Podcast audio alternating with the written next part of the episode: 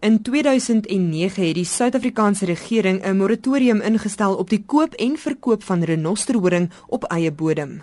Voor die moratorium was dit wettig om handel te dryf in renosterhoring in Suid-Afrika. Hierdie moratorium is waaroor die huidige hofsaak gaan, aldus Dr. Joe Shaw, die renoster programbestuurder vir die WWF in Suid-Afrika. A number of individuals have gone to the High Court and requested that the moratorium be lifted. And on a technicality, the judge has ruled that that should occur. The minister made an appeal against that decision.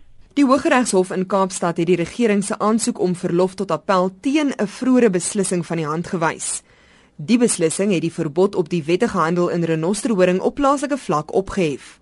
Shaw sê die feit dat die aansoek om verlof tot appel van die hand gewys is, is 'n nekslag vir die stryd teen renosterstropery en sy hoop dat die minister van omgewingsake verdere optrede oorweeg. We supported the minister's decision to appeal and we are disappointed by this outcome because we don't see any positive conservation benefits to lifting the moratorium, especially when poaching is at a record high. We know there's no market for rhino horn in South Africa, so lifting a domestic moratorium is just going to encourage illegal activity. The current international trade ban is still in place and any demand would come from overseas. The lifting the moratorium on internal corn sales is just going to make the lives of overstretched police and law enforcement agents even harder.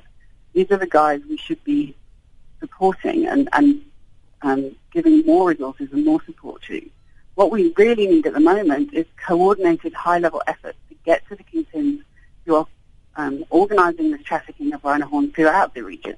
Dr. Joe Shaw, die renoster programbestuurder vir die WWF in Suid-Afrika. Ek is Henry Wondergem vir SABC nuus.